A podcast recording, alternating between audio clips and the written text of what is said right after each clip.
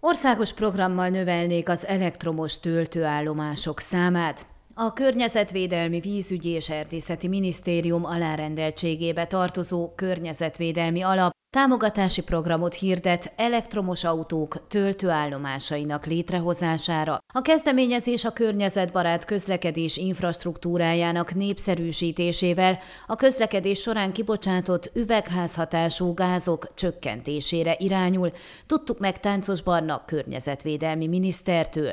Mint részletezte, a környezetvédelmi alap ezen programja is rendelkezik online platformmal. Egy töltőállomás létrehozására maximum 190 ezer lejt lehet igényelni, ami a beruházás összköltségének legtöbb 98%-a lehet, amennyiben a költségek meghaladják ezt az összeget, a kérelmező fedezi a többletkiadásokat. A kedvezményezett a programnak ugyanabban a meghirdetett periódusában csak egy kérelmet nyújthat be. Az igényelhető finanszírozás legmagasabb értéke a kategóriák függvényében változik.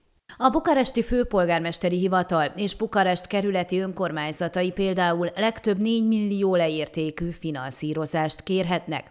Az országos jelentőségű, potenciálisan európai szinten is befolyással bíró megyei városok 2 millió lejt, a megyehatárokon átívelő vagy megyei jelentőségű és a település hálózatok egyensúlyában szerepet játszó municípiumok, illetve az országos érdekeltségű turisztikai települések másfél millió leértékűt, a városok, megyeszékhelyek és a helyi érdekeltségű turisztikai települések 1 millió lejt. A községek esetében legtöbb 500 ezer lej, a közintézmények esetében pedig 400 ezer lej az igényelhető összeg.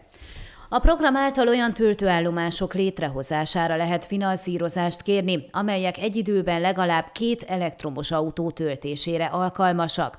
A töltőállomásokat a Nemzetközi Elektrotechnikai Bizottság által az elektromos hajtású gépkocsik vezetékén keresztül történő töltésre vonatkozó előírásoknak megfelelően kell kialakítani. A kedvezményezetteknek legalább annyi parkolóhelyet kell biztosítani, ahány töltőpont van. A támogatásból fedezhető az elektromos töltőállomások beszerzése, azok felszerelési munkálatai, az elektromos berendezések, információs pannók elhelyezése, szabadalmak, licenszek megvásárlása és más előre nem látható költségek a 2016-ból származó 907-es kormányrendelet alapján. A jelentkezők az online platformon beküldött jelentkezést követő tíz napon belül kell eljuttassák a környezetvédelmi alaphoz az iratcsomót, amelynek tartalmaznia kell a program útmutatóját. A környezetvédelmi alap minden kérelmezési dosszi esetében egyetlen hiánypótlást engedélyez. A nyertes pályázóknak az értesítést követő 30 napon belül kell aláírni a szerződést. A program megvalósítása a kérvénybe foglalt időszak, ami nem lehet hosszabb 12 hónapnál, és az első elszámolási és előlegkérelem benyújtásától számított. A munkálatok befejezését igazoló jelentés iktatásától kezdve három évig tilos lesz a töltőállomásokat elidegeníteni, tehát a program kedvezményezettjeinek kötelességük legalább három évig működtetni.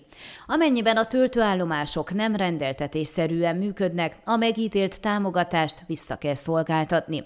A program kiírása szeptemberben várható.